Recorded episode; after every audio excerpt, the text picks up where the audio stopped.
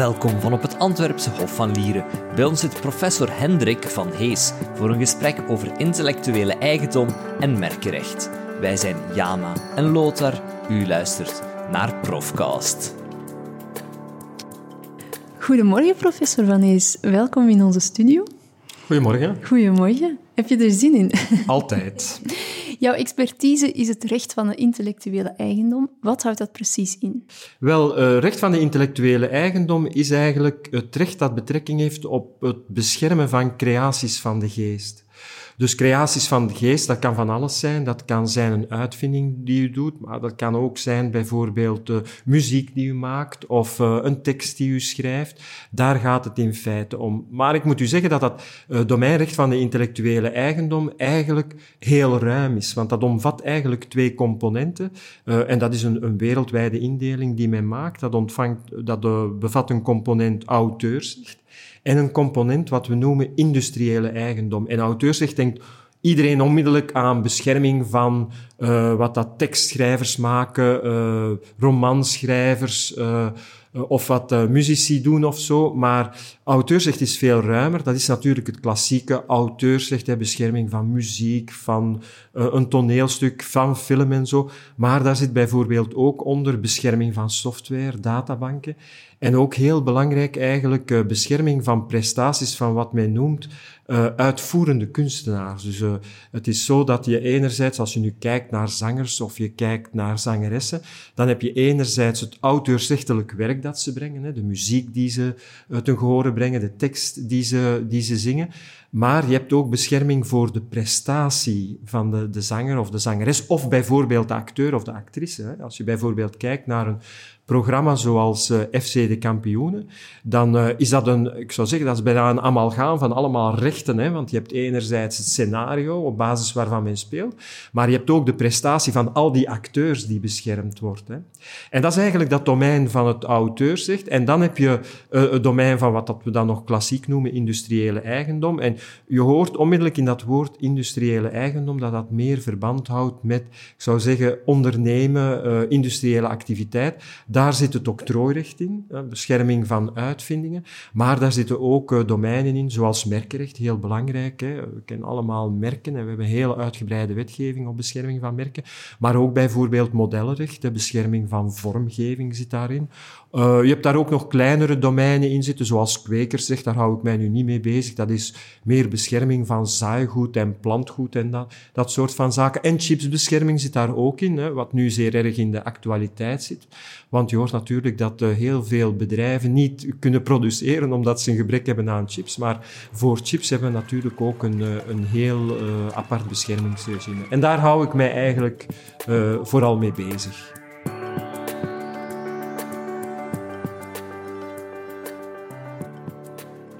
Ik hou mij met uh, sommige onderdelen uh, meer bezig. Uh, waar ik mij bijvoorbeeld niet mee bezig hou, is octrooirecht. Dus uitvindingen. ik ken dat natuurlijk wel, hè, maar ik hou mij daar minder mee bezig. Ik publiceer daar ook niet over. En de reden is omdat octrooien, dat is een zeer technische materie. En als je naar de praktijk kijkt, octrooirecht wordt eigenlijk niet beoefend in de praktijk door juristen. Maar dat wordt beoefend door uh, burgerlijke ingenieurs, scheikundigen, uh, biologen. Waarom?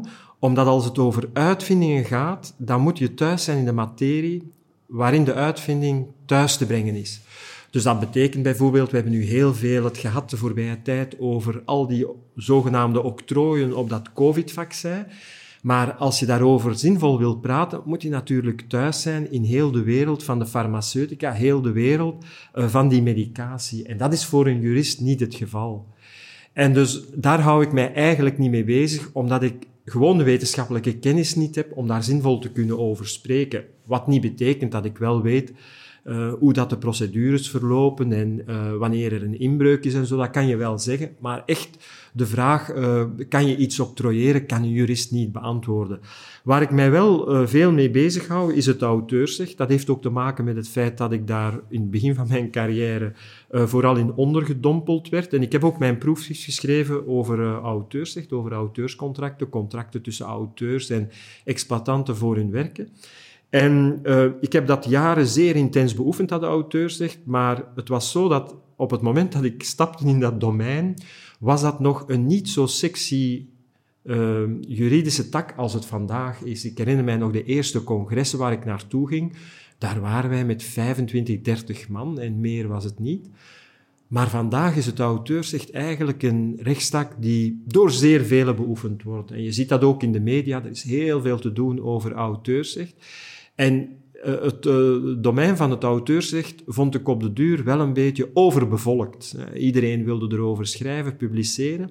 En dan ben ik mij meer gaan toeleggen, alhoewel ik mij natuurlijk nog intens bezig hou met het auteursrecht, op modellenrecht. En modellenrecht uh, is een domein waar men zich bezighoudt met bescherming van vormgeving. En vormgeving is natuurlijk heel belangrijk vandaag de dag. Hè. Alles draait rond uh, design. Kijk maar naar wat we aan hebben, de schoenen die we dragen, de kleding die we dragen, maar ook alle voorwerpen die je ziet. Hè. Het meubilair, uh, de vormgeving van huishoudelijke apparaten en zo.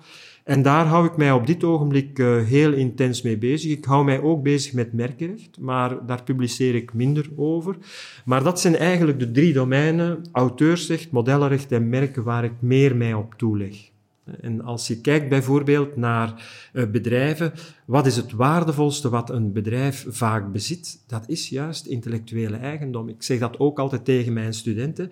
Kijk naar het vermogen van een onderneming. Natuurlijk, een onderneming kan een productieapparaat hebben, kan onroerende goederen hebben. Maar wat is vaak het belangrijkste? Dat, is de, dat zijn de intellectuele rechten die ze hebben. Hè. Kijk naar de farmaceutische industrie. Wat is het meest belangrijke voor een farmaceutisch bedrijf? Dat zijn de octrooien die ze hebben. De octrooien bepalen ook de waarde van het bedrijf. Uh, kijk naar andere ondernemingen. Wat is vaak het belangrijkste dat ze bezitten? Is het merk dat ze hebben. Hè? Uh, kijk naar een onderneming zoals Nike of uh, Adidas of, of bijvoorbeeld de producenten van spuitwaters. Wat is het belangrijkste? Dat is het merk dat ze bezitten. Hè? Bij Coca-Cola bijvoorbeeld, Coca-Cola. Het merk Coca-Cola is het belangrijkste. Dus je, je, je ziet wel dat dat zich voordoet, intellectuele eigendom, in alle domeinen. Het is niet beperkt tot, tot één sector. En ook voor ons hè, is dat zeer belangrijk. Hè. Als je kijkt naar de wetenschappelijke wereld, wat wij produceren, uh, wordt allemaal auteursrechtelijk beschermd. Hè. Dus ook daar is het uh, een zeer belangrijke rechtstak. Ook over merkenrecht had de professor van alles te vertellen. Als we kijken naar onze merkenwetgeving, en we hebben geen Belgische merkenwetgeving, onze merkenwetgeving is Benelux-wetgeving. We hebben niet heel veel Benelux-wetgeving, maar in zaken merken hebben we dat wel. Wat betekent dat? Dat betekent dat we, als je bijvoorbeeld een merk aanvraagt, dan heb je dat ineens voor de drie landen van de Benelux. Dus dat is een systeem alles of niets. Uh, als je merk wil, dan is het voor België, Nederland en Luxemburg, vervalt je merk of wordt je merk nietig verklaard, is het ineens voor de drie landen van de Benelux. Nu, wij hebben in de Benelux een, ik zou toch wel zeggen, een zeer stevige merkwetgeving. Dat betekent dat je als merkhouder tegen heel wat kan optreden. En je kan in de eerste plaats optreden tegen het gebruik door anderen van jouw merk in het economisch verkeer. Dus dat betekent wanneer je een merk hebt als producent van goederen en iemand anders gebruikt jouw merk voor andere goederen of voor andere diensten, of misschien zelfs voor identieke goederen of diensten, dan kan je daartegen optreden. Maar wij hebben ook een, uh, een bepaling in onze merkenwetgeving zitten, waar dat je ook kan optreden tegen het gebruik van jouw merk voor niet-economische doeleinden. Dus als het gebruikt wordt niet in het economisch verkeer. En we zijn daar in de Benelux wel zeer uniek in, omdat de andere landen van de Europese Unie die bepaling niet kennen. En dus dat betekent ook bijvoorbeeld dat als een merk wordt gebruikt, maar niet voor waren of diensten, maar voor, alle, voor andere doeleinden, dat de merkhouder kan, uh, kan optreden. Maar hij gaat natuurlijk wel moeten bewijzen, als de merkhouder wil optreden, dat dat gebruik niet in het economisch verkeer, dat dat eigenlijk als ik het zeer algemeen uh, kan omschrijven, dat dat een beetje zijn merk aantast en dat hij schade krijgt aan zijn merk.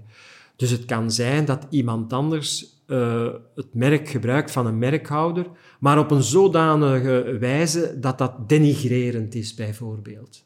Dan kan je natuurlijk optreden. Um, of bijvoorbeeld iemand gebruikt jouw uh, merk, maar in een sfeer waarmee je als merkhouder niet wil geconfronteerd worden.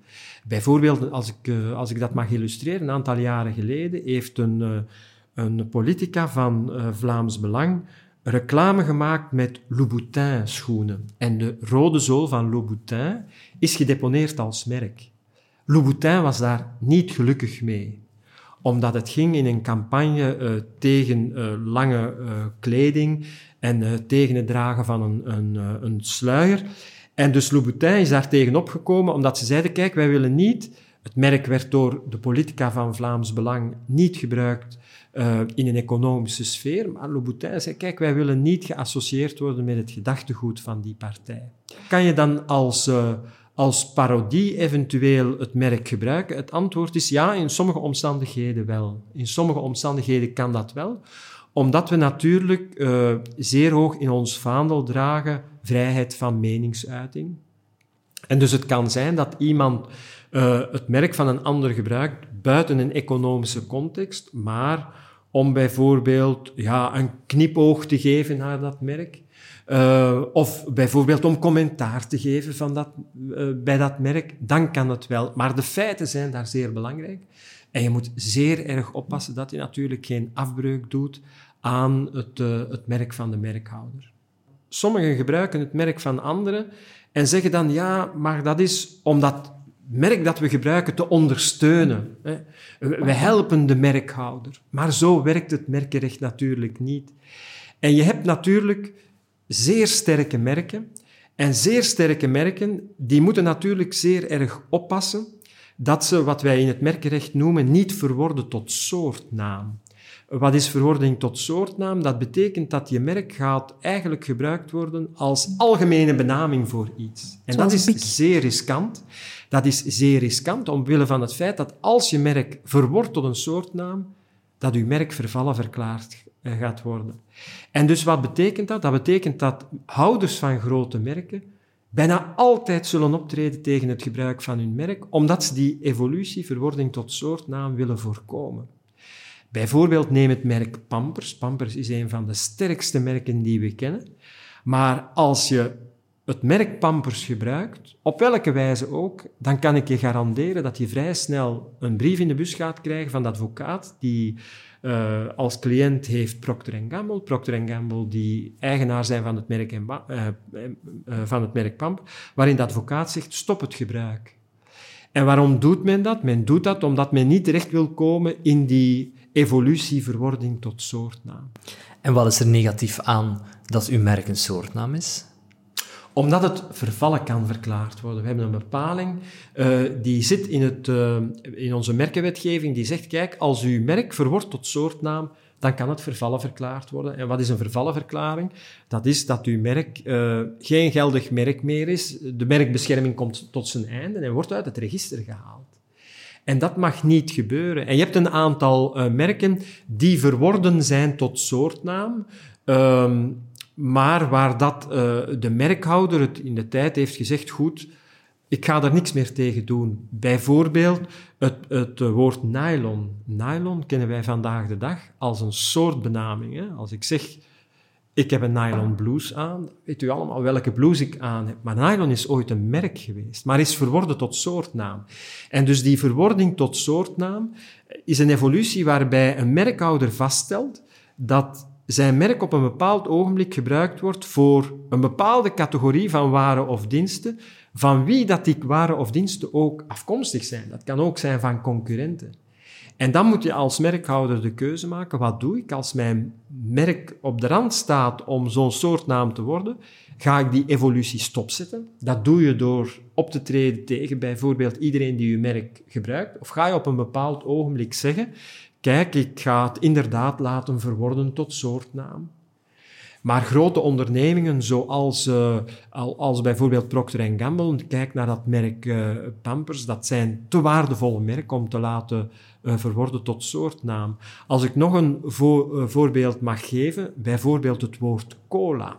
Cola is ooit een merk geweest van de Coca-Cola-compagnie. Maar cola gebruiken we nu als soortnaam en gebruiken we om de bruine drank die we allemaal kennen aan te geven.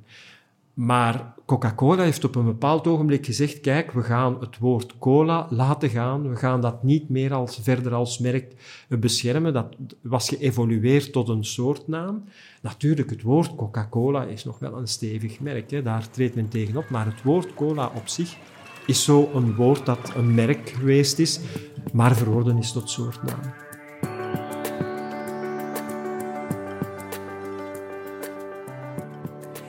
Is uh, jullie rechtstak van het auteursrecht en het merkrecht ingewikkelder geworden sinds de opkomst van heel het online en digitale verhaal? Ja, alles is wel uh, ingewikkelder geworden. Omwille van het feit, als ik nu enkel kijk naar het auteursrecht, dat men een antwoord heeft moeten, vragen, moeten zoeken op een aantal vragen die zich uh, stelden, die vroeger totaal niet gesteld werden.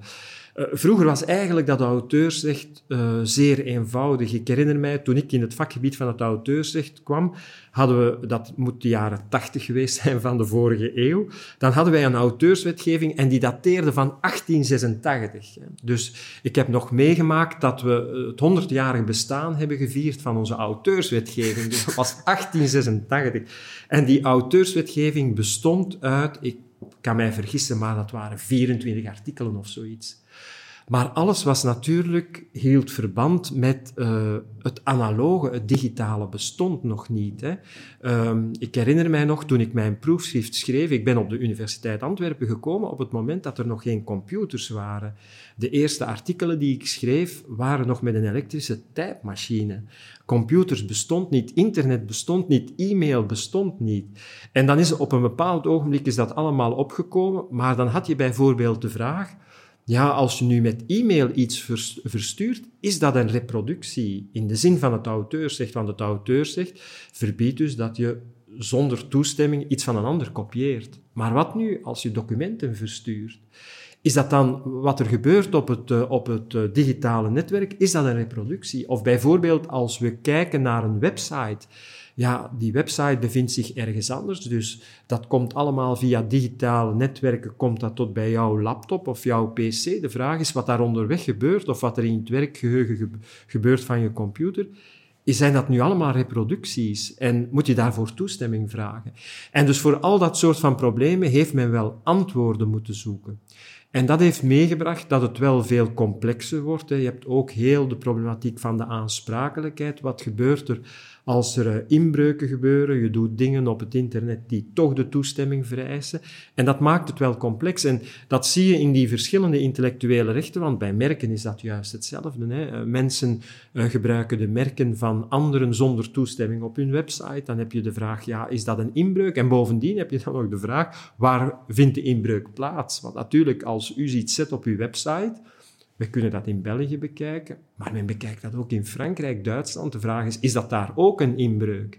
En kan je daar dan ook tegen optreden? Dus het, het heeft het probleem, uh, of het heeft het domein wel complexer gemaakt. Alhoewel ik er tegelijkertijd moet bijzeggen dat soms men regelgeving heeft gaan uitvaardigen om die problemen op te lossen, waar dat men achteraf zei, kijk, eigenlijk was die wetgeving niet nodig. En je ziet dat op dit ogenblik ook bij artificiële intelligentie. Dat is nu de hot topic, hè, artificiële intelligentie. En de vraag is, ja, moeten we nu bij artificiële intelligentie ook nieuwe wetgeving gaan, gaan maken? En misschien gaat men dat doen en gaat men binnen een jaar of tien zeggen, ja, eigenlijk was dat niet nodig. Met ons bestaande areaal van regels hadden we de problemen die zich voordeden ook kunnen oplossen.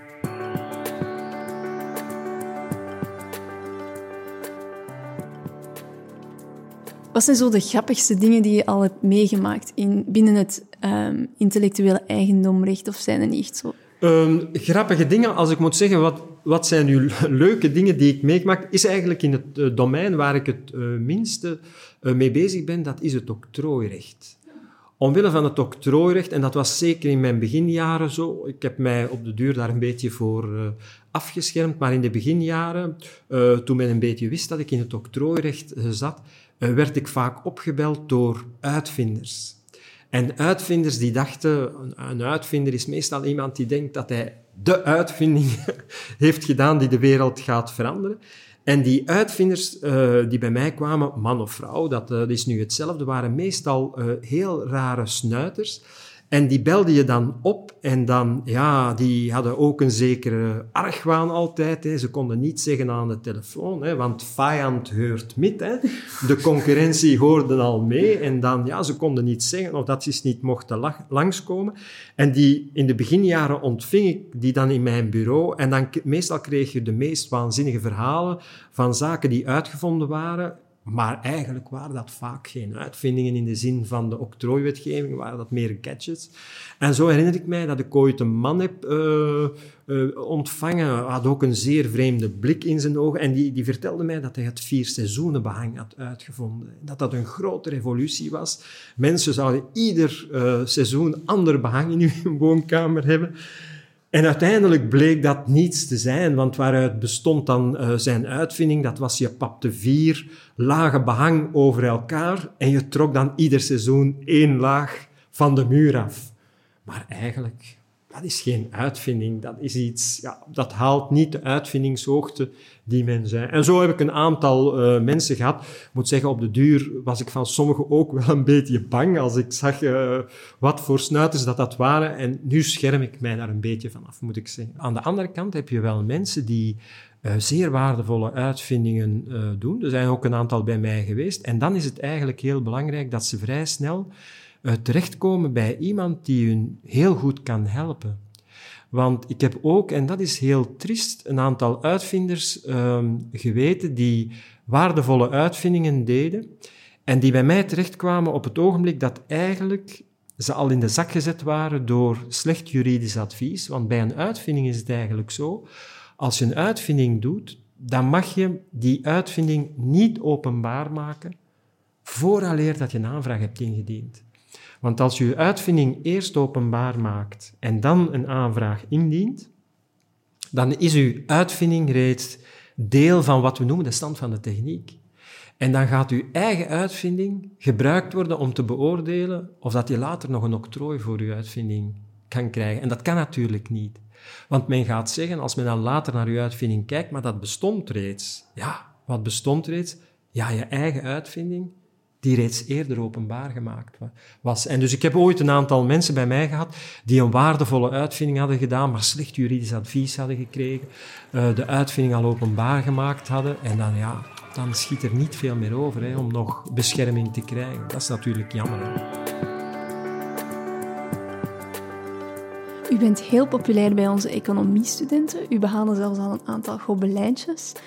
Hoe krijgt u onze studenten zo geboeid door recht? Ja, dat is een vraag waar ik niet direct een antwoord kan op, uh, geven. Hè. Ik denk dat uh, er een aantal redenen zijn waarom uh, dat studenten niet afkerig staan ten opzichte van die juridische vakken. Um, in de eerste plaats is het zo dat ik nog altijd mijn colleges zeer grondig voorbereid. En ik kan u zeggen, ik heeft al heel lang college ondertussen, hè, van 1993 eigenlijk. Dus dat is al een heel lange periode. Hè. Dat is bijna tegen de 30 jaar. Maar het is niet zo dat ik uh, naar een college ga en gewoon vlak voor het college even mijn cursus open doe en dan eens kijk wat ga ik nu geven. Uh, ik bereid dat altijd nog wel heel goed voor. En uh, ik denk dat daar voor een stuk het, succes in zit, dat het een een vloeiend geheel is. Het tweede denk ik dat um, ik het recht probeer te benaderen niet vanuit, uh, ik zou zeggen, een abstracte invalshoek waarbij ik de studenten tracht te overladen met allerlei regels en zo, maar toch wel uh, probeer voor studenten heel veel aansluiting te vinden bij datgene wat ze meemaken in het dagdagelijkse leven, maar ook uh, aansluiting bij datgene wat ze horen en zien in de actualiteit. En ik denk dat dat de aantrekkingskracht van het vak verhoogt. Plus bovendien, je leert met de jaren ook wel wat een oudere collega mij ooit noemde, podiumvastheid. Hè. Uh, je, je ziet ook wel dat je op sommige momenten moet uh, temporiseren.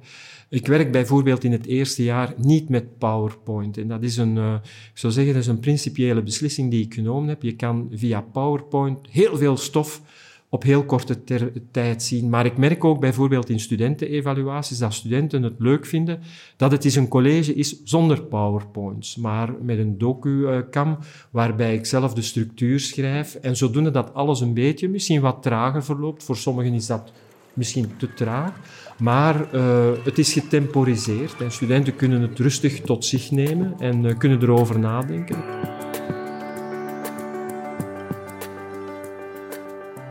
Voilà, we zijn aan het einde gekomen van onze aflevering. Professor, wie heeft eigenlijk de rechten op deze uitzending? Dat is een, eh, is een heel interessante vraag, wie die rechten heeft. Hè? Omdat je bijvoorbeeld de auteursrechten op een interview, wie heeft de auteursrechten op een interview? Dat is niet eenvoudig te zeggen, dat is afhankelijk van de aard van het interview. En dus je kan, uh, want wat beschermt eigenlijk het auteursrecht? Mensen hebben daar vaak een, een, een verkeerde opvatting over. Het auteursrecht beschermt enkel vorm, niet de ideeën die erachter zitten. Dus de wijze waarop een interview vorm krijgt, bepaalt wie het auteursrecht heeft. Dus dat betekent, deze vorm van interview kan meebrengen dat wij met drie auteurs zijn van de podcast. U die de vragen hebt gesteld, de vragen hebt geformuleerd, die het verloop van het interview bepaalt, en ik die de antwoorden geef, waarbij de antwoorden auteursrechtelijk beschermd kunnen zijn. Maar moest u het uitschrijven in een doorlopende tekst, zou u eventueel de enige auteurs kunnen zijn, en ik niet. Dus het is een beetje afhankelijk van de feiten. Dankjewel voor het gesprek veel succes straks met de les. Ja, graag gedaan. Dit was Profcast met Hendrik van Hees. Bedankt voor het luisteren. Wil jij meer horen? Surf dan zeker naar uantwerpen.be schuine streep profcast.